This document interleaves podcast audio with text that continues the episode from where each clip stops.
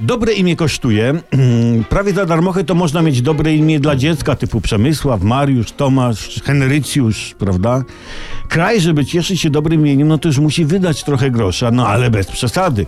I aby promować dobre imię Polski na świecie, powstała Polska Fundacja Narodowa. Na jej budżet składają się firmy Skarbu Państwa, oni sobie wydają. Słuchajcie, no robota lepsza od spania, nie?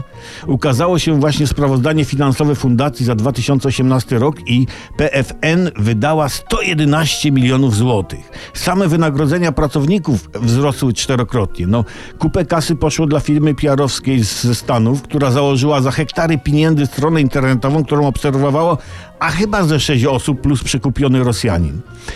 No, no tempo rozpierniczania kasy przez fundację zasługuje na znak Teraz Polska.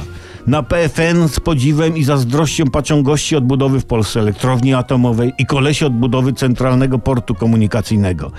Zarząd fundacji jest troszeczkę zdziwiony, że zarzuca mu się rozrzutność. Jak to pytają? Przecież to fundacja narodowa, to znaczy, że nam naród funduje, nie? Nie? A to sorry, myśmy źle zrozumieli. Tak się kurczę, popatrzcie, pultają z tym dobrym imieniem Polski, a wzięliby za te 111 milionów złotych, wynajęli płatnych morderców, którzy by zabili wszystkich źle mówiących o Polsce. I by była promocja i obrona dobrego imienia z prawdziwego zdarzenia. Jak to mówił tatuś pana Wodyjowskiego? Jak się nie będą ciebie bali, to się będą z ciebie śmiali.